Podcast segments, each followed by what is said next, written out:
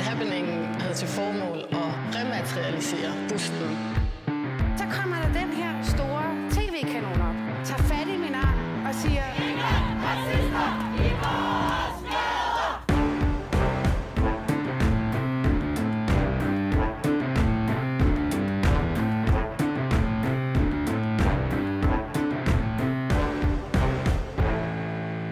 Vi har inviteret en gæst i studiet til at fortælle os om, hvad er den ukrainske identitet egentlig for en størrelse? Velkommen til dig, Yevgeny Goloshenko. Tak. Du er postdoc ved Institut for Statskundskab på Københavns Universitet. Lad os lige springe direkte ud i det. Der er forskel på russer og ukrainer, ikke? Ja, det må man nok sige, det er der. Hvordan mener du, øh, ukrainer identificerer sig i det daglige? Jamen, jeg tror, jeg starter med at sige, altså en nation, en nationalitet findes, så længe folk tror på, at den eksisterer. Altså, den danske stat eksisterer, fordi jeg har valgt at tro på, at den danske stat eksisterer. Og øh, ukrainer, øh, øh, der ser sig, altså folk i Ukraine, der selv ser sig selv som ukrainer, er ukrainer i kraft, at de tror på, at de er en del af et fællesskab. Øh, de samles om et bestemt flag, ligesom danskere samles om et dansk flag. De samles om bestemte nationale sange, øh, ligesom danskere også gør det øh, i forhold til danske sange. Øh, og øh, jeg tror, det, øh, hvis jeg skal i et par sætninger fortælle, hvad er forskel mellem ukrainsk nationalitet og den nationalitet, der bliver promoveret af Putin, så er det øh, for Putin og hans tilhængere, som faktisk er mange russer, det skal man ikke tage fejl af, er, Rusland er en, er en stormagt. Det er en, en stat, som skal være med til at bestemme, hvad der sker i nabolandet og i verden generelt. Jeg tør at sige, at faktisk minder lidt om øh, national identitet i USA blandt nogle amerikanere. Altså, det er en vigtig land, som skal have indflydelse i verden. Det er ikke en del af ukrainsk nationalitet. Det er de færreste ukrainer, der mener, at Ukraine er en, skal være en stormagt eller have indflydelse nogle andre steder. Men jeg tror, det er en del af Ukrains nationale identitet, som, altså det er noget, der hele tiden er forandring ved enkelt sekund. Det er det, det demokratiske land. Det er et land, som ikke er en del af Sovjetunionen eller sovjetisk tradition for regering eller kultur, for den sags skyld. Mm. Må, jeg, må jeg spørge dig, Evgeny, altså når du så skal sige, jeg er ukrainer, eller hvad betyder, for en ukrainer, hvad betyder det at sige, jeg er ukrainer? Du siger, det er ved demokrat, men der er vel også noget, der sådan, nu siger du dansk, vi, vi har nogle forskellige ting, vi vil mm-hmm. sige det her, det vil sige at være dansk. Hvad, hvad, hvad er det, der adskiller, udover det med, at og det er jo ganske væsentligt, du siger, at ukrainer siger, eller mener, at man er demokrati, det er russerne ikke.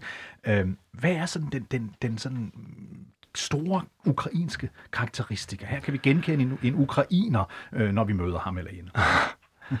Det, det er et godt spørgsmål. Altså, jeg tror, hvis du spurgte mig, sådan, hvad, hvad kendetegner en dansker i forhold til en tysk eller svensker, vil jeg faktisk tøve med, med at besvare det spørgsmål, og på samme måde tøve med at besvare, hvad er ukrainer? Altså, en ukrainer er en, der ser, at personen er ukrainer.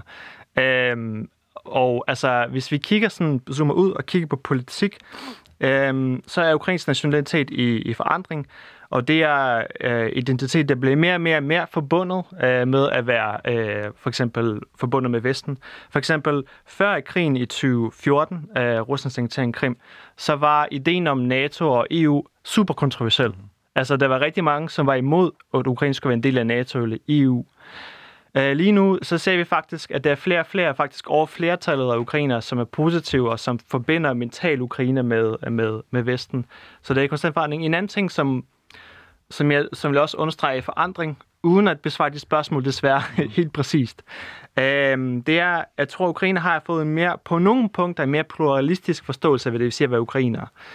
For eksempel, øh, i dag, så bliver krimtatarerne 100% utvetydigt set som ukrainer i Ukraine. Mm. Øhm, Hvornår... Et muslimsk mindretal, vel at mærke. Og hvad kom det i forbindelse med annekteringen, at det ligesom tvang dem til at tage, sige, at anerkende det her øh, mindretal, de er altså lige så meget ukrainere som, som majoriteten? Øh, ja, ja, det tror jeg bestemt. Altså for eksempel før 2014 var der mange øh, diskussioner, politiske diskussioner, og hvorvidt krimtatarerne skal, øh, hvor, i hvor høj grad de skal anerkendes øh, som for eksempel det øh, oprindelige folk i, på Krim. Altså, alle de diskussioner der ud, altså svaret ja, det er de. Øh, og det, det tror jeg skyldes både, fordi krimtatarerne øh, var meget, meget øh, det vil sige, direkte i forhold til, at de er ukrainere, og de har ikke lyst til at vende tilbage til Rusland nogensinde. Og i hvert fald øh, de politiske fællesskaber. Men også omvendt har der været meget stor øh, opbakning øh, fra resten af Ukraine mod det her mindretal. Så altså, min point er bare, det er et fællesskab, der er i konstant forandring, og øh, det er et fællesskab, der bliver mere og mere knyttet øh, med Vesten, med NATO, og det vil sandsynligvis fortsætte med at være sådan, i, i kraft af Ukraine bliver invaderet fra øst. Mm. Mm, Jeg tænker bare, at det her forestillede øh, fællesskab, som ligesom er limen i, i borgerne, det der med, at man kan trække på nogle fælles referencer. Mhm. Mm-hmm. Jeg vil øh, gerne gøre mig lidt klogere på, fordi det er jo et ret stort land, altså 41 millioner indbyggere, ikke? Mhm. Og jeg tænker sådan, mange af dem er, er jo også etnisk russere. Mhm. Mm-hmm. Der, der er jo selvfølgelig en del af etnisk russere, men, men hvad er ligesom definitionen på ukrainsk kultur? Øh, jeg tror, jeg, jeg vil tøve lidt med at besvare, hvad er definitionen på ukrainsk kultur? Øh, det må jeg nok sige. Øh, altså, man har ukrainsk kultur, hvis man samles... Øh, altså, okay, man er ukrainer, hvis man samles om fælles referencer. Altså, i ukrainsk kontekst er det af nationalsangen, det er ukrainsk sprog. Man behøver ikke at tale ukrainsk sprog, men det er de færreste ukrainer, som siger, at det er imod, at man skulle kunne lære ukrainsk sprog i skoler. Det er øh, samlingen om ideen om demokrati. Altså ideen om, at altså, ligesom i Danmark efter 2. verdenskrig, så prøver man at definere sig selv som, øh, som nogen, der ikke er ligesom tysker eller svensker, eller hvad det nu er. Øh, I Ukraine er man nu i gang med et redefinere sig selv som nogen, der ikke er øh, en del af en autoritær, øh, barbarisk stat østpå. Øh, at man at det er en del af ukrainsk identitet, at, øh, at, være, at være et demokratisk samfund, det tror jeg bliver mere og mere fest. Noget at lægge mærke til, det er jo, det er jo ikke givet. Altså, Ukraine var en del af en autoritær stat, Sovjetunionen, i årtier. Øh, men især med yngre generationer ser vi, øh, øh, hvad hedder det, at flere og flere øh, folk, der oprindeligt taler russisk derhjemme, taler ukrainsk øh, i offentligheden. Øh, og øh, interesserer sig for mere og mere demokrati, og mere og mere, bliver mere og mere pro-vestlige, pro-EU og pro-NATO. Et spørgsmål, uh, Evgeni Golovchenko, altså, Golovchenko, altså postdoc ved Institut for Statskundskab på Københavns Universitet, som interesserer mig også, det er det der med, hvordan reagerer de fleste ukrainere, når de hører præsident Putin siger, at de er en flok nazister og en flok narkomaner, øh, der sidder derovre, og det det bare slet ikke er noget, de, de burde bare blive russere. Hvor, altså, hvor vred bliver man? Jeg kan jo forestille mig, hvor vrede vi ville blive, Felice og jeg, hvis, hvis vi sad her og fik at vide at, at, i gamle dage, altså op til krigen, at Hitler stod og sagde, at vi slet ikke var, var danskere, men i virkeligheden bare var en slags tyskere. Hvordan opfatter øh, de fleste ukrainere det her? Lige nu opfatter jeg, tror jeg, altså, ja, det er lidt svært at sige noget om omfanget. Det vil nok kræve et survey, men de ukrainer, jeg taler med og ser på sociale medier osv., er meget, meget vrede. Altså, det skal sige, at denne krig startede i 2014, ikke også, ja. med Ruslands annektering Krim. Og da det startede, der tror jeg, at mange ukrainer, at dem, især dem, der er aktive på sociale medier, tog det lidt med lidt humor og ironi, som I øh, altså, næsten gjorde lidt grin med, at, mm. altså, at de skulle være nazister, og prøvede på at, at troll lidt deres, øh, hvad hedder det, deres øh, familiemedlem i Rusland. Men lige nu, altså, det er, øh, det gør dem vrede, men det er også med, tror jeg, med til at øh, festne ukrainsk national identitet som et pluralistisk samfund, øh, i modsætning til et autoritært Rusland. Fordi altså, i Ukraine har man også en selvfortælling om, at russerne lever i, et, øh, en sådan informationsboble, hvor de kun ser statskontrollerede medier og ikke andet. Og øh, det er bare sådan noget, russere gør. Det, det, altså, det er jo den selvopfattelse, den forståelse af Rusland, der tror jeg er ved at blive festet, når man ser øh, Putin og familiemedlemmer i Rusland, for nogle vedkommende, du ved, overbeviser deres familie i Ukraine, at faktisk er Ukraine en nazistisk stat. Ja. Uh, det gør folk selvfølgelig vrede, men også fortvivlet, og altså, det er absurd for mange ukrainere at høre. Du nævnte, du nævnte før det der med, at, at Ukraine i, i hele den periode, hvor Sovjetunionen eksisterede, 1917 til, til, til, til 1991, var sådan en en, en republik, der blev styret fra Moskva. Øh, noget af det, øh, som jeg kan huske fra den tid, og når jeg har besøgt Ukraine sidenhen, det er, at det eneste tidspunkt, man måtte have lov til at være nationalist, eller hvad skal man sige, patriot for Ukraine, det var, når der var fodboldkampe. Når Dynamo Kiev spillede, for eksempel, så kunne man stille sig op og råbe Kiev, Kiev, Kiev, eller Ukraine, Ukraine, Ukraine. Øh, var der hele tiden i de mange år, hvor Sovjetunionen eksisterede, var der hele tiden i virkeligheden blandt ukrainere en stærk fornemmelse af, at vi er ikke homo sovjeticus, altså vi er ikke en del af Sovjetunionen, vi er faktisk os selv. Øh, ja, altså selvfølgelig har, der, selvfølgelig har ukrainer i Sovjetunionen også haft en forståelse af sig selv som ukrainer, men jeg tror, at i Sovjetunionen var det, øh, var det en forståelse af, af, af sig selv som ukrainer, som er et eller andet broderskab med, med russerne, altså som er totalt beslægtet og en del af den her stat, øh, som, er, som er sovjetisk. Men når det er sagt, øh, og det her er, igen, det er ikke baseret på sådan brede surveys blandt sovjetiske borgere. Det var lidt svært engang. Mm-hmm. Men mere på sådan, for eksempel, for hvad historikere beretter, og hvad ukrainer beretter i dag til mig, så er det, at ligesom vi i Danmark taler om øh, høj kultur og lav kultur, ikke også? Altså, det er, at det er finere at drikke rødvin, end det er at drikke, jeg ved ikke, uh, en Bacardi Breezer. Ja. øhm, det har det også. ja, godt at slå fast. Uh, I nogle steder i Ukraine var det også lidt lavkultur at tale ukrainsk. Mm. Altså, hvis, hvis, du, hvis du gerne vil noget i livet, så taler du russisk øh, i storbyen, og du flytter måske oven i købet i Moskva. Så um, selvom man kunne selvfølgelig tale ukrainsk i Sovjetunionen, så øh, særligt årene efter 2. verdenskrig har det også været, um, jeg vil sige, pff, altså Sovjetunionen var jo et imperium, lad os være ærlige, sådan en mm. lidt imperialistisk måde at øh, er, er, der, er der nogen, undskyld, for nu nævnte du, du, du sagde lige før, at man dengang, sådan ville, øh, under, under, under Sovjetunionen, der kunne man jo ikke vide, det hørte op på et tidspunkt, ja. den navigerede man hen, hvis man var en ung, talentfuld mand eller kvinde, så søgte man hen imod Moskva, for det var, det ja. var metropolen i det her. Er der nogen på din alder, eller der er 20 år eller 18 år, der tænker i dag, jeg er ukrainer, jeg bor i Kiev, jeg bor i Lviv, jeg bor et eller andet sted, og wow, jeg skal til Moskva for, for, for at slå mig igennem, eller er, der, eller er det slut nu? det er rimelig slut. Altså, ja, der er ukrainer, som bor i Moskva, der er ukrainer, som øh, selv efter 2014 tog til Rusland for at arbejde øh, af flere grunde.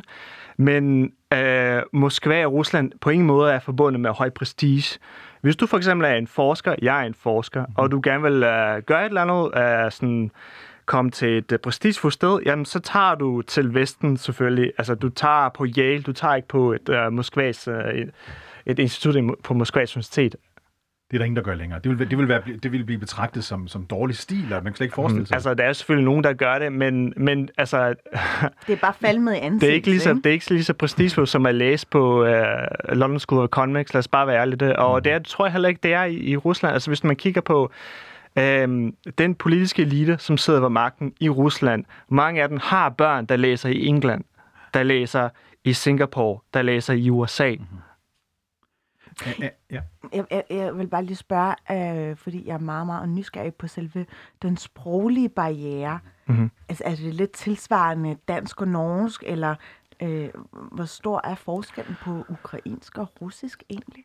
Um, lige nu er det en meme blandt ukrainer i Ukraine, at uh, man burde tale ukrainsk til hinanden for at kunne, for at kunne se, hvem er fjende og hvem er, hvem er ikke fjende. Okay. Altså, altså ikke med, for at kunne identificere uh, specialstyrker, der er i gang med at udføre deres operationer. Uh, og, og grund til det er sådan, forestil dig, hvis nu um, uh, alle i Danmark forstod svensk, men svensker forstod ikke så meget uh, dansk. Det er sådan cirka den situation, vi har. Uh, jeg de fleste i Ukraine forstår russisk og kan tale russisk og har lært russisk et eller andet, på et eller andet tidspunkt. Øh, men, men, men hvor gammel ja. er du for eksempel? Jeg er 31. Har du, øh, altså har der været i, i din øh, tidlige opvækst, har man da talt øh, russisk omkring dig? Øh, altså, jeg er oprindeligt fra Ukraine, og jeg er russisk talende. Ja, så du taler begge, du taler i begge sprog? Ja, ja. Øh, mit første sprog, når jeg taler med mine venner i Kiev, for eksempel, når jeg ringer til dem, mens de øh, sidder i, i, i deres kælder, ja. er russisk. Ja, ja. Kamp, øh, det skal siges, øh, arbejdssproget blandt flere soldater ved fronten i dag er stadig russisk. Okay. Øh, men ja, det er lige måske en ting, jeg gerne vil slå fast. Da krigen brød ud, var der også i danske medier sådan meget populært at tegne kort af Ukraine og sige, det her er det russisktalende del, det er sikkert pro-russer, og det her det er ukrainsktalende del, mm. de er sikkert uh, pro-ukrainer. Men det, at man taler russisk i Ukraine, er ikke lige med, at man har russisk etnicitet.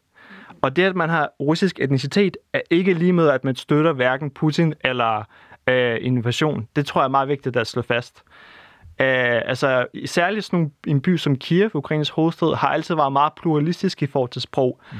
Det er meget normalt at stå i kø i en kiosk og tale russisk til nogen. Person svarer på ukrainsk, og det er ikke et tegn på, at de er sure på dig. Det er bare, altså, det er bare sådan, man taler. Mm. Mens i andre øh, bydele, især i Vesten, der er det mere almindeligt, at alle taler ukrainsk. Mm. Men, ja. Nå, jeg tænkte på, fordi du nævnte det egentlig også øh, i en bisætning. En ting er, at det er en faktisk krigshandling, det her.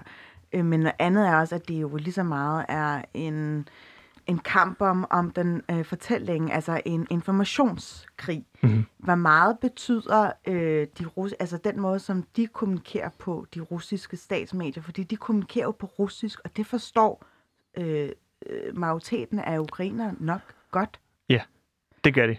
Øh, men når det er sagt, øh, så er det, okay, Altså, vi er i informationskrig, og det har du 100% ret i. Og den, den foregår både ved, at man producerer informationer og spreder dem. Det er den, de vil tale om, men det foregår også gennem informationskontrol. Uh, for eksempel i Rusland, uh, så du hører sjældent eller næsten aldrig ting fra ukrainsk perspektiv. Det er meget svært at se øh, ukrainske medier. Men efter Ruslands annektering af Krim, så har Ukraine også lukket ned øh, for adgang til flere russiske statskontrollerede medier, og endda lukket ned for øh, flere russiske sociale medier, for eksempel Vkontakte, for netop at begrænse af strøm af informationer fra russiske statskontrollerede medier. Fordi netop det her, det, altså, det her spørgsmål om information bliver i Ukraine og har i lang tid blevet set som et spørgsmål om national sikkerhed og national overlevelse. Fordi de her oplysninger, de bruges ikke kun til at legitimere øh, russernes invasion, øh, de bruges også til at så forvirring om, hvad der sker, og hvor er der russiske tropper lige nu, hvor er der ikke russiske tropper lige nu, hvem kan du holde med i den her by, hvem kan du ikke holde med i den her by. Må jeg spørge, fordi, fordi altså, vi kender jo alle sammen i Danmark Rusland som et slavisk land. Altså et, et land, hvor man taler et slavisk sprog, hvor man har en slavisk kultur, hvor man har en slavisk religion i virkeligheden også. Og så, og så kender vi Østeuropa som et sted, øh, der sådan ligger lidt midt imellem, lidt midt imellem øh, øh, hvad skal man sige, den slaviske kultur og den vestlige kultur. Og så ligger Ukraine jo lige der som en buffer, om jeg så må sige, ind midt imellem. Vil du betegne Ukraine som mest et slavisk land, eller i virkeligheden mere i dag et europæisk land? De to ting er for mig på ingen måde gensidigt udelukkende. Er, altså, folk i Polen er, det, de er et slavisk land. Mm-hmm. Øh, de vil, i den, jeg tror, de fleste polakker øh, vil i den grad betegne sig som et europæisk land, mm-hmm. endda et centraleuropæisk land. Øh, de to ting er måde gensidigt udelukkende. Men det understreger også, hvor vigtigt informationsdelen er i det her. Og at informationskampen ikke kun noget, der foregår her og nu i løbet af de her dage og uger, men i flere år. Øh, altså, det er klart, at øh, øh, russiske myndigheder prøver på at redefinere det at være slavisk som at være ikke-europæisk, måske mm. anti-europæisk, og at Europa er sådan noget øh, situationstegn bøsse Europa, øh, at det er Europa i, i forfald, altså at øh, sådan alle de her LGBT-rettigheder og øh, hvad hedder det, feministiske bevægelser er, sådan, er en slags sygdom, som spreder sig østpå. Det er mere eller mindre uden overdrive sådan, som øh, de prøver på at redefinere, hvad det vil sige at være, at være at være russisk, rigtig okay. russer. Mens i, i, i Ukraine er man også i gang med konstant at redefinere, hvad det vil sige at være ukrainer, og så prøver man bare på at orientere sig mere og mere mod de værdier, som Ukraine tror, der er i Vesten i hvert fald. Så det, som Putin i virkeligheden siger, det er, at hvis ikke Ukraine kommer over til Rusland, så ender de med at blive sådan et degenereret øh, øh, europæisk land. Det er det, der er hans fortælling, ikke sandt? Altså, at I, I falder sammen, hvis ikke I kommer under Moskvas kontrol igen. Det er, altså, det er præcis det, Putin siger. Altså, en af de taler, han har, han har sagt... Øh, lige inden at russiske tropper rullede ind den 24 var, at han gør det her selvfølgelig for at øh, forhindre et såkaldt folkemord mod russisktalende. Øh, det er der selvfølgelig ikke nogen beretninger for, for Ukraine. Men han nævnte også traditionelle værdier, mm. at det er traditionelle værdier, der er under angreb. Igen, det er en del af øh, russisk regerings længere, flere år, flere år gamle kamp om at redefinere Rusland som en del af øh, en slags anti-vest. Øh, og omvendt, Ukraine prøver, altså ukrainske myndigheder på at redefinere sig selv som en del af Vesten. Og intet af det her er jo givet. Altså, det er, en, det er vidderligt en kamp, der vil fortsætte, mm. også når kamphandlinger, øh, altså helt konkret med kampvogn mm. og missiler og høre op på de sociale medier, når du følger det her, for det ved jeg, du gør det er jo en del af dit, øh, af dit, dit, dit forskningsområde. Nu fortalte du, hvordan russerne gjorde det, hvordan de brækkede den her informationskrig, der, der Felix spurgte til det før. Hvad med jer? Øh, hvad med ukrainerne? Hvad, hvad, hvad, hvad, hvad, hvad er så mod? Hvordan forsøger man at mobilisere øh, Ukraine på de sociale medier? Ja, øh, der, der, der, der, altså informationskamp fra Ukraines side foregår på, på mange fronter og jeg kan, kan tale om det i flere timer. Men øh, jeg tror, de mest spændende eksempler er, jeg tror, ukrainske myndigheder har indrømmet, at de bliver nødt til at nedbryde den her informationsmur mellem øh, Ukraine og Rusland, som jeg nævnte før. Mm. Så øh, lige nu bliver der opfordret både af ukrainske myndigheder og af ukrainske medier, at Ukraine ringer, helt konkret ringer til deres familiemedlemmer i Rusland og fortæller dem, at der er krig. Mm. Fordi øh, den officielle fortælling fra Rusland er, at der er ikke krig, det er en militær speciel operation, der ikke rammer storbyer. Uh, det kun er militærmål, der bliver ramt. Uh, altså, det er på en måde en krig. Så uh, informationskampen foregår på den måde, altså, at folk helt konkret ringer til deres familiemedlemmer. Altså gammeldags kommunikation i virkeligheden. Grib knoglen, ring over til din gamle onkel i, i ja. Novosibirsk og fortæl ham, det passer ikke, det du ser i For at forbigå ja. censuren i medierne. Um, men er der ikke nogen, der aflytter telefonforbindelser? Jo, men altså, det er jo ikke, det er jo ikke, det er jo ikke militær hemmelighed selvfølgelig, at, uh, at der er krig i Ukraine. I, I den går ikke for russer. Selvfølgelig, men altså, øh, der er, også, der er selvfølgelig også nogle guides til, uh, uh, til hvordan man sikrer sin, for eksempel, Viber. Så det, det, det tænker folk selvfølgelig også, men nok ikke uh, ældre. Uh. Men, men en anden ting, et andet super spændende eksempel, det er, um, uh, ukrainske myndigheder har, øh, hvad det, har oprettet sådan en slags hotline for, øh, øh, for russere, så de kan ringe ind og høre, om deres søn er blevet dræbt eller taget til fange. Så der er altså en konkret telefonlinje. Og øh, så kan de hente deres barn øh, eller deres ven og sådan noget fra Ukraine. Og altså, russiske, ukrainske myndigheder er ikke, selvfølgelig, de fortæller ikke helt præcis, hvad strategien bliver det, men det åbenlyst svar vil være, igen, på at nedbryde informationsmuren, uh, for at vise i Rusland, et, at der er krig, to, at russiske soldater også dør. Mm. Uh, ved at simpelthen være komme i direkte kontakt med mennesker, med familiemedlemmer i, i, i Rusland. Tusind tak, Evgeni Golovchenko, altså postdoc ved Institut for Statskundskab på Københavns Universitet. Tusind tak, fordi du kom. Tusind tak. Ja, øh, vi har jo ikke nogen skiller eller noget som helst, så øh, vi laver bare en glidende overgang, øh, fordi vi har fået to nye gæster i studiet.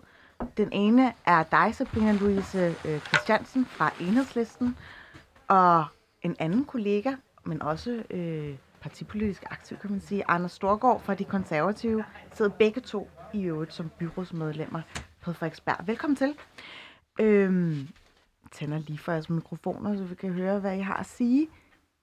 Louise, hvad tænkte du, da du i sidste uge vågnede op og så, hvordan Rusland invaderede øh, Ukraine?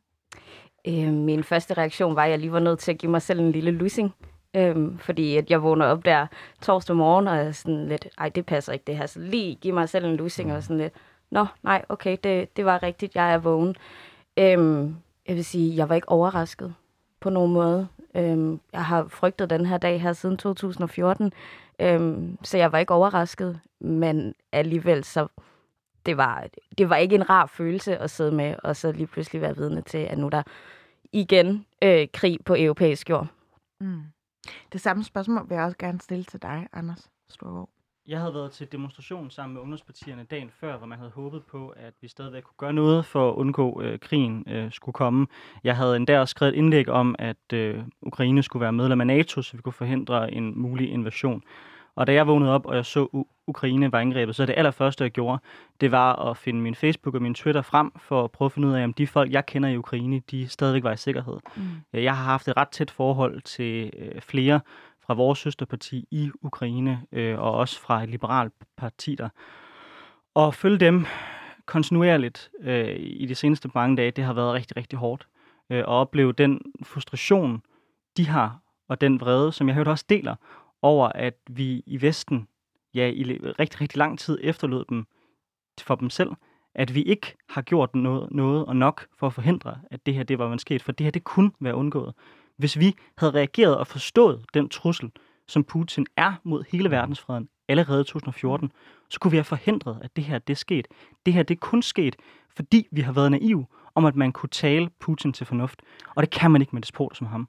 Sabrina, øhm, nu, nu taler vi tit i det her program sådan om, om generationskampe, altså hvor, hvor der er Mm. forskellige holdninger til problemstillinger, afhængig af hvilken generation man tilhører. Og jeg startede den her udsendelse med at fortælle om, hvordan vi havde udviklet os fra, fra at opbygge den verdensorden, vi kender i dag, fra 2. verdenskrig, og jeg selv er 22 år, da, da muren falder for eksempel. Det er en positiv tid, det er en tid, hvor alting går i den rigtige retning. Vi troede, min generation, jeg kan roligt sige, vi troede aldrig, at der ville komme sådan en gammeldags krig igen i Europa. Det var vi simpelthen vaccineret mod, det kunne ingen finde på at gøre igen. Hvor, hvor, hvor gammel er du?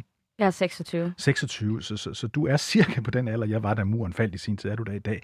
Havde du troet, nu siger du, du, du er selvfølgelig opmærksom, det er alle jo på det, der sker i 2014 på Krim, men havde du alligevel sådan fantasi til at forestille dig, at vi vil have en rigtig gammeldags krig, hvor kampvogne rykker ind i en anden by, hvor, hvor folk bliver slået ihjel af bomber i, i deres boligblokke, hvor, så vi her i weekenden, et kræfthospital for børn for eksempel bliver, bliver, bliver bombet. Havde du forestillet dig, at det skulle ske? Vi ved jo godt, det skete i Irak, i Afghanistan og mange steder, men, men her på vores kontinent, havde du forestillet, dig, det skulle ske i, for din generation?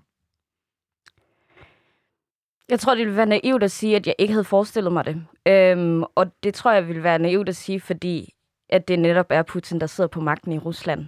Øhm, og Putin, han er ikke til at stoppe. Og det er uanset, hvem det er, der beder ham om at stoppe, mm. så er han ikke til at stoppe. Hvis han først sætter sig noget for hovedet, så gør han det. Øhm, og øh, så jeg tror, at det ville være naiv, naivt at sige, specielt her og hen over de sidste ja, otte år, at sige, det kunne jeg ikke forestille mig. Jeg har gået med et håb om, at det aldrig nogensinde ville ske, at jeg aldrig nogensinde ville være vidne til krig. Øhm, men jeg har aldrig nogensinde sagt, at jeg ikke sådan rigtig kunne forestille mig, at det skulle ske. Men, men du siger alligevel, du må simpelthen lige give dig selv en losing for at vågne op, fordi det sker jo om natten, det er klokken 4 om natten, den dag invasion starter, så man vågner op her, typisk også i, i, i Danmark, og, og hører det der om morgenen.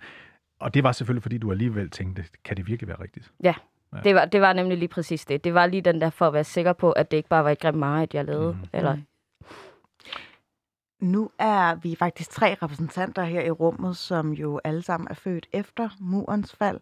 Og vi har jo kun øh, de historiske narrativ og historieundervisning fra skolen, og selvfølgelig vores forældre, der er gennemlevet den periode, eller været vidne til det. Og jeg tænker, øh, det er jo anderledes forstået på den måde, at det, altså ved koldkrigstiden, så var det jo to store magter, der ligesom var øh, op og, og, og spille med de øh, store muskler. Her er det jo en mere regional krig, ikke?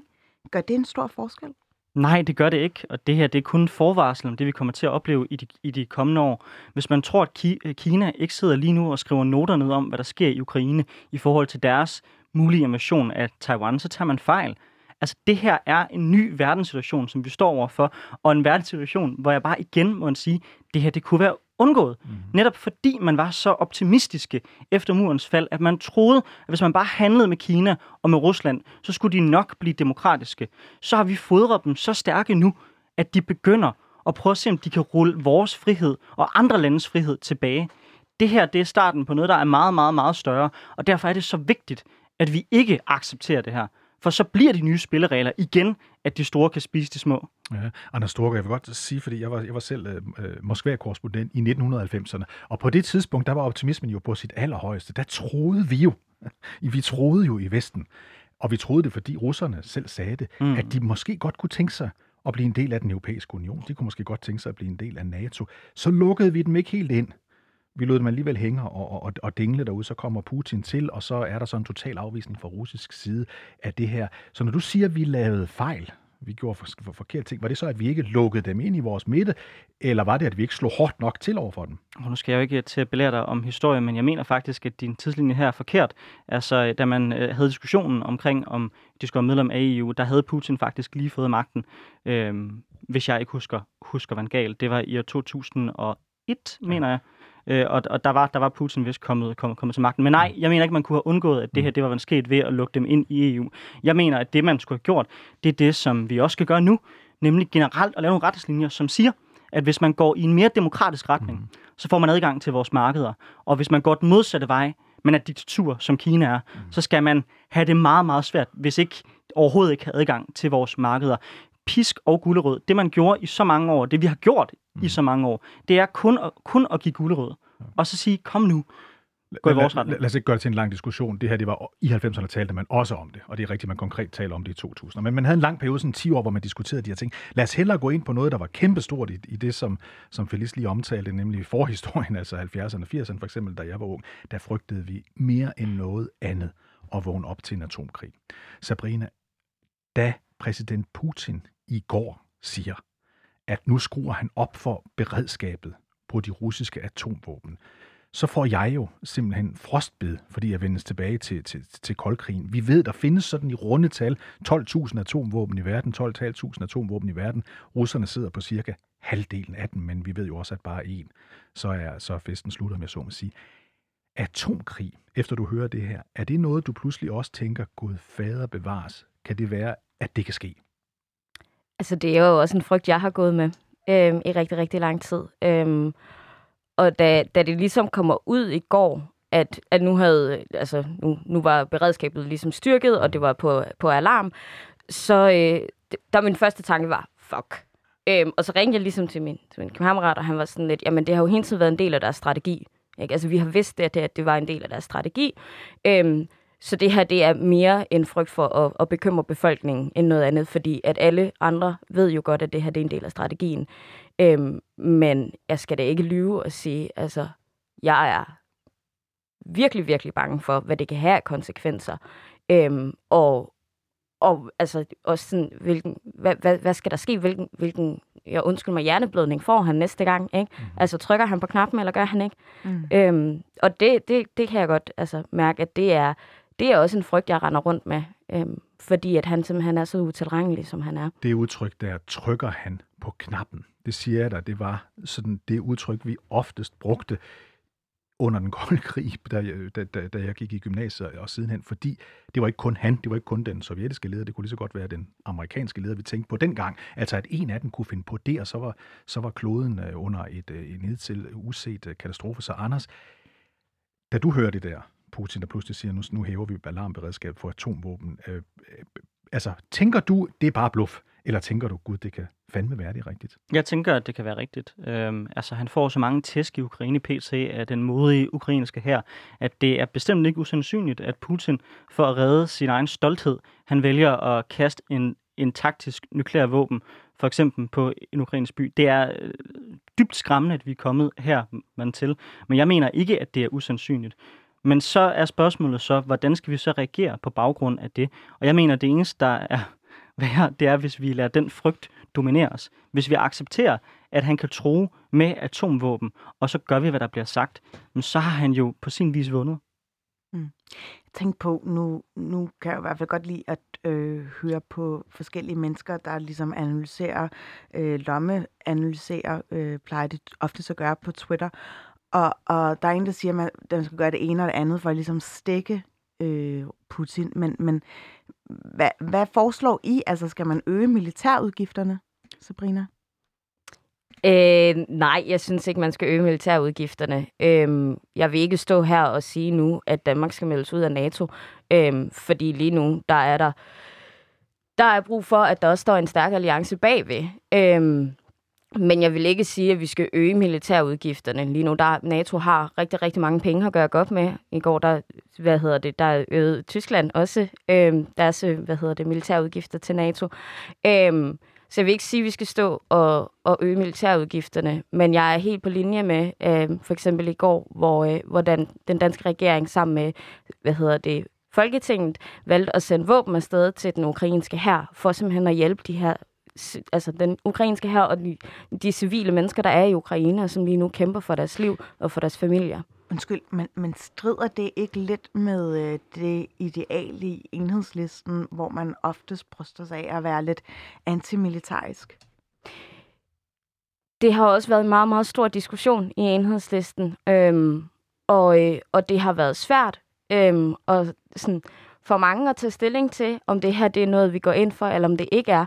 Men situationen i Ukraine er simpelthen så slem, og der er simpelthen så mange mennesker, det her det går ud over, fordi det direkte er en krig, øhm, som går ud over de civile. Som David jo også siger før, altså de har jo bombet altså børnehospitaler og boligblokke, øhm, og så står der øh, 18-årige knægte og gamle damer øh, nede på i en, i en parkeringskælder og laver molotov-cocktails og sådan noget. Det går simpelthen ikke. Altså, og der bliver vi simpelthen nødt til at vise solidaritet, og derfor så går jeg også ind for, at vi har sendt våben afsted til Ukraine. Mm. Hvad siger du, Anders Storgård, sin konservativ fætter her, der tænker, at du går ind for, at man ligesom kaster eller polierer flere penge til, øh, til Forsvarsalliancen? Det samme, som jeg har sagt i virkeligheden også siden 2014, nemlig at vi som absolut minimum skal leve op til vores 2% af BNP, som vi har lovet NATO. Altså det er på tide, at vi gør det. Og jeg vil også sige, at jeg vil gerne rose øh, Sabrina og, og mange andre faktisk i enhedslisten, der er ved at prøve at skifte det partis holdning. Men den holdning, som man i mange år har stået for, som er, at man skal nedbryde NATO, at man skal melde sig ud af EU, det vil være en verden, der vil gøre, at Putin vil få langt mere frit spil. Jeg mærker så også, at der vil have været et skifte, og det jeg håber, det er, at enhedslisten går igennem det samme skifte, som der var i efter invasionen af Ungarn med SF, der ligesom brød ud og ligesom tog afstand fra den måde at se verden på. For virkeligheden er desværre, selvom jeg vil ønske, verden var en anden, at folk som Putin respekterer kun magt. Derfor er det desværre nødvendigt, at vi prioriterer vores soldater. Det er desværre nødvendigt, at vi har soldater i Estland, så Putin han ved, at hvis han invaderer Estland, hvis han, som han mener, at det er en del af Rusland og skal tage det også, jamen så er han ikke kun i krig med Estland, så er han i krig med os alle sammen. Anders, det er nødvendigt. Anders, noget, der overrasker mig, det overrasker jo ikke mig, at du som konservativ mener det der. Men det, som der overrasker mig, det er, at der i al almindelighed i Danmark, og nu kan vi også høre, at enhedslisten bevæger sig, altså er kommet en meget mere militaristisk tilgang til de her øh, problemstillinger. For spoler vi igen tilbage til den kolde krigs afslutning i 1980'erne, så var der jo, hvad skal man sige, de borgerlige, der ville have mere militær, og venstrefløjen, inklusive Socialdemokratiet, øh, der sagde nedrustning i stedet for oprustning. Øh, du siger øh, oprustning hele tiden, men har du og dit parti og din side ikke forsømt også at tale med den anden side i den her i konflikt? Jeg siger ikke oprustning hele tiden. Det synes jeg er, er en speciel strømmand at komme med. Jeg siger oprustning, fordi det er nødvendigt mm-hmm. i mhm. den situation, som vi står overfor. Jeg ved ikke, hvad du vil bede mig om at have gjort. Altså, siden 2014, øh, der har jeg fremsat resolutioner. Jeg har i alle debatter, jeg har været i, mm-hmm. argumenteret for, at vi skulle tilbyde Ukraine medlemskab af NATO, at vi skulle sende dem våben, at vi skulle sikre, at de fik bedre økonomisk forhold til Europa, at vi skulle støtte dem på alle tænkelige måder, fordi, sagde jeg, at Putin kunne finde på at invadere dem any day. Nu er den virkelighed så sket, og nu bliver jeg så spurgt, om jeg har forsømt at prøve at snakke med den anden side. Det ved jeg ikke.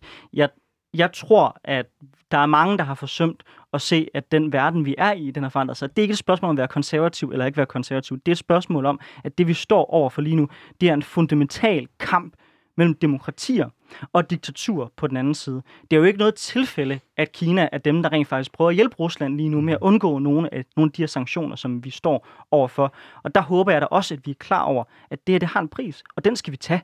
Vi skal holde op med at handle så meget med Kina. Vi skal holde op med at handle så meget med, med Rusland. Jeg er klar på at fryse resten af den her vinter, hvis det gør, at vi lukker af for alt det gas fra Rusland. Så du vil opfordre Ørsted, for eksempel det store danske energiselskab, ja, det som, jo har, nok. som jo har været ude at sige forleden, at vi kan desværre ikke sige nej til vores aftale med Gazprom, det store russiske energiselskab, fordi vi har lavet en langtidsaftale, siger deres administrerende direktør Mads Nipper. Der siger du, gør det alligevel. Ja, jeg håber, han skammer sig. Han skammer sig. Hvad, hvad, hvad siger du, Sabrina? Jamen, jeg er helt på linje med Anders her. Helt på linje med Anders. Altså, vi skal have gang i de største sanktioner, vi overhovedet kan rive op af hatten. Ikke?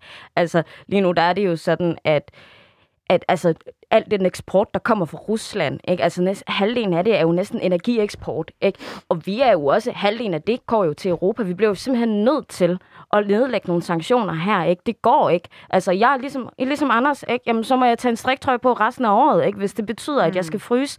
Fordi det, altså, det går simpelthen ikke. Det er deres største indkomstkilde, og det skal vi simpelthen fryse ned for. Blev skuffet, da I ligesom hørte Biden, der på talestolen sagde, at de her sanktioner, de var specielt designet til, at det ikke gik ud over øh, gassen og energikilderne for, mod amerikanere og Europa? Ja, det var jeg enormt skuffet over. Man må så også sige, at der har været en udvikling løbende. Altså, det, altså bare det skifte, vi har set i Tyskland. Altså, jeg tror virkelig, vi undervurderer, hvor et seismisk skifte det er. Det er Tyskland, der bevæger sig ud af 2. verdenskrigs skygge. Så der er en bevægelse på de her, på de her spørgsmål også. Men jeg er da klart skuffet over, at man ikke gør mere. Jeg er også skuffet over, at man ikke ved armen rundt på Schweizerne og på Serbien. Serbien modtager milliarder af EU-støttemidler, og så skal de stå der og sidde og forsvare Rusland. Ved du hvad, vi kunne passende tage hver en krone, vi giver dem, og overføre dem til Ukraine. Og skulle vi sige til Schweiz, hvis de gerne vil fortsætte med at have adgang til det europæiske marked, så kommer de med på de her sanktioner lige nu, og de rammer de russiske oligarker, der har 30% af deres midler i Schweiz lige nu, for ellers så har de bare ikke adgang til det europæiske marked.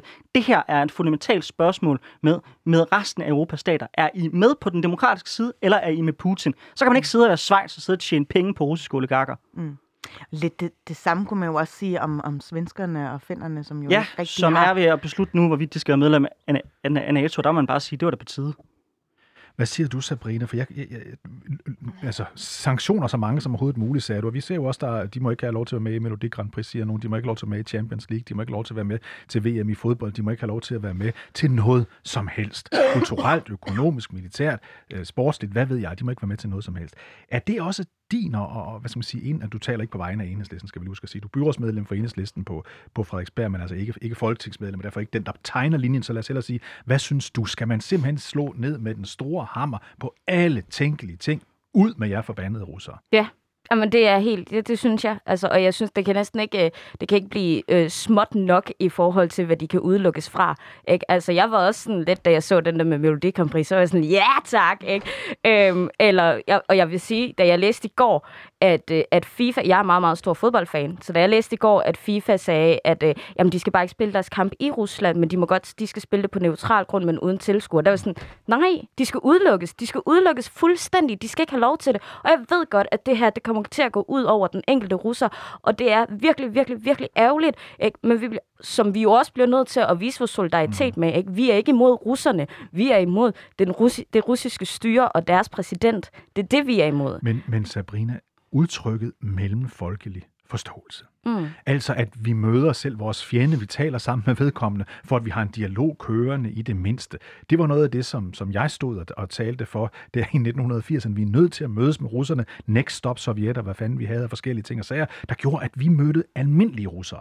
Og det er jo det, man gør, når man går til en fodboldkamp eller en øh, øh, koncert eller et eller andet den stil. Selv det vil du nu lukke ned for. Skal vi slet ikke tale med russerne? Skal vi bare sige, her er et jerntæppe. Vi, jeg hørte Mette Frederiksen sige i går, statsministeren, at hun ønsker det nye jerntæppe. Det skal vi ikke, der isolerer Putin. Er det, er det så hårdt, vi skal gå til den? Jeg synes, vi skal simpelthen udelukke Putin fra alt. Og så er det også, og så kan det være, altså, så er det uanset om det er, er fodbold, eller Melodi Grand Prix, eller skøjteløb. De skal simpelthen udelukkes fra alt. Men det er jo ikke kun Øhm. Putin, vi udelukker. Det er russerne, vi udelukker. Ja, så. jeg, og det er jeg også godt klar over. Det er jeg også godt klar over, men vi bliver simpelthen nødt til at- på samtlige tænkelige måder at sige, vi accepterer ikke det her. Ikke? Nu, som sagt, jeg er meget, meget stor fodboldfan, og øh, jeg har set, øh, nu har jeg ikke haft så meget tid i weekenden, men de fodboldkampe, jeg har fået lov til at se, den her solidaritet, der også har været fra den verden af med Ukraine. Jeg ved ikke, om I har set det klip med, med Benfica-spilleren, der løber ind og simpelthen får en altså, stående applaus fra hele publikum, ikke? Og, og simpelthen bryder grædende sammen. Det er en Benfica-spiller, der bliver skiftet ind, som er ukrainer. Som er ukrainer, og som lige præcis. Ind i, Ja. og, og får stående applaus. Han begynder faktisk at græde ind, Ja. ind på banen. Ja. Lige præcis, ikke? Og det er også det der med, at vi som befolkning, vi som civilbefolkning, har også et ansvar. Selvfølgelig kan jeg ikke stå her som helt almindelig lokalpolitiker og sige, øh, vi skal ud af NATO, eller vi skal ikke ud af NATO, eller hvad det nu er. Ikke? Det kan jeg ikke stå og sige, for det er ikke en position, jeg er i. Men hvad jeg er i, jeg er i en position, hvor jeg kan være med til at påvirke civilbefolkningen. Altså her den anden dag, der DSU Frederiksberg havde en kæmpe tøjindsamling til ukrainske flygtninge. Alene det der at gå ned og bare aflevere sit tøj, ikke? Øhm, er jo også en ting. Eller man kan være med til at skabe bevægelsen og sige, jamen vi vil gerne samle ind til Røde Kors eller et eller andet. Der er så mange ting, som vi som civilbefolkning kan gøre. Og noget af det, vi også kan gøre, det er jo for eksempel til sådan nogle store kulturelle begivenheder, som fodbold jo er, ikke? og simpelthen vise vores solidaritet med Ukraine frem for Rusland. Ja, altså det samme spørgsmål kan vi stille dig, Anders. Altså der er jo ligesom forskel på den bløde magt og den hårde magt, men kommer vi til at altså sådan redefinere russerne, altså selvom de jo også er europæer, og vi føler vi slægtskab med dem også, men, men kommer vores forhold til russerne til at gå, altså, blive influeret af, hvordan den her krig udvikler sig? Selvfølgelig gør det det, og det gør det, fordi russerne langt hen ad vejen øh, er dybt hjernevasket af det regime, der sidder nu. Altså, jeg har mødt russer i mange sammenhænge, og sidst jeg gjorde det, der sad de og prøvede at forklare mig, hvordan Stalin i virkeligheden var en god mand, fordi det havde de lært om i skolen. Altså, det er, det, det, det er den det er den opfattelse, der er blandt mange i Rusland. Og så længe det styre sidder der, så længe det styre får mulighed for at hjernevaske folk, så må vi desværre anerkende, at der er det en konflikt, vi har med Rusland. Vi skal gøre alt, hvad vi kan for at appellere til den russiske befolkning, til at fortælle dem, at der er en anden virkelighed. Og så må jeg bare sige, David, i forhold til det der med, at vi skulle også huske at have en dialog med, mm. med, med Rusland. Det er jeg meget enig i. Med russerne, ja. Men også med Rusland. Ja. Øh, øh, der har, synes jeg bare, vi har glemt øh, en lektie fra historien. Jeg synes, Theodore Roosevelt, han var fremragende, når han, når han, når han sagde, when it comes to diplomacy, speak softly and carry a big stick. Og det synes jeg er tilgangen, vi skal have, når vi møder russerne. Vi skal møde dem i en position af styrke, at vi rent faktisk er klar til at sætte handling bag vores ord. Og så skal vi være diplomatisk og søge mulighederne. Og sige klart, prøv at høre, Rusland, I har et valg. I kan leve i en demokratisk verden, hvor jeres børn får en bedre fremtid, får mere velstand, eller I kan blive et land, der ligesom Nordkorea forbitret og lukker sig om sig selv. Det er jeres valg som Rusland. Vi er åbne over for samarbejde med jer. Vi er åbne over for at give jer en smuk fremtid. Men det kræver som minimum, at vi holder op med, med det af jeres naboer. Så den store stok, vi skal gå rundt med og være parat til at slå med, den indebærer jo blandt andet atomvåben. Øhm, Anders Storgård øh, fra, fra de konservative. Vil du være villig til at sige, at hvis Putin fandt på at gøre alvor af sin trussel med atomvåben, så skal vi sende en tilbage i hovedet af ham? Det tør jeg slet ikke forholde mig til. Men jeg kan i hvert fald sige, lige nu går jeg inde i overvejer, om vi ikke burde at la- lave et flyforbud over Ukraine og begynde at hjælpe med at skyde de russiske fly ned. Sabrina, synes du også, at vi bør sætte hårdt mod hårdt, som, som Anders Storgård siger her? Altså, vi skal slå endnu hårdere, vi skal, være, vi skal flexe endnu mere med vores muskler over for Putin. Er det den eneste vej frem? Det ved jeg ikke helt, om det er. Øhm, jeg ser måske diplomati, øh, diplomati som en, på en lidt anden måde, end Anders han gør. Øhm, selvfølgelig, så skal vi, men selvfølgelig, selvfølgelig skal vi indgå i dialogen, øhm, og vi skal også hjælpe civilbefolkningen i Ukraine, som bliver angrebet af Rusland nu. Det skal vi også. Øhm, og vi skal også bruge alle de sanktionsmidler, vi overhovedet kan, ikke? Øhm, fordi vi har ikke taget dem alle sammen i brug endnu, og det bliver vi simpelthen nødt til, for at de kan mærke, før de kan mærkes. For lige nu, der er det sådan lidt, når, altså okay, men hvis de skal, Swift og øh, sådan noget, det er sådan, så hårdt bliver det heller ikke mærket, med mindre at vi også rent faktisk går ind og så øh, lægger sanktioner ned på deres største indtægtskilde, øh, som jo så er energi. Øh, men, men jeg synes ikke, at det skal være sådan en, at vi står med køllen bagved, og så er sådan lidt, når nu vi ikke snakker, så hiver vi den frem og banker dem i hovedet. Øhm, jeg vil hellere dialogen og, og sanktionerne, og så på den måde se. Og hvis ikke det lykkes, jamen, så kan vi tage stilling til det derfra. Øhm, men jeg tør ikke øhm, at tænke længere frem lige nu. Meget kort, den her konflikt, vi nu har set, Rusland, der angriber Ukraine, demokrati mod, mod undertrykkelse, bliver det en lang konflikt, Sabrina, bare kort? Altså bliver det noget, vi skal have i mange år? Det tror jeg, desværre. Anders, Helt sikkert, og det kommer også til at være samme situation med Kina. så vi har en lang konflikt foran os, der i virkeligheden minder om, at vi stod her i 1947, da Churchill første gang nævnte jerntæppet. Ja, ikke lige frem en, en opløftende melding eller øh, analyse for de øh, to unge regionsmedlemmer i Frederiksberg Ja, byrådsmedlemmer. Kommune. Ja, byrådsmedlemmer, undskyld. Øh, kommunalbestyrelsesmedlemmer i Frederiksberg Kommune. Øh, Sabrina Louise, og du hedder Christiansen, og øh, Anders Storgård fra De Konservative. Tusind tak, fordi I gad at være med her og øh, få et, ligesom, et blik fra ja, det ungdomlige perspektiv på den her øh, krise. Vi skal til at få rundet af. Mit navn er Phyllis Jassara. Ja, mit navn er David Trasse, men vi er tilbage for fuld skrue igen om en uge. Baby og Boomer, David Trass, Felicia Saar og Julia Krav.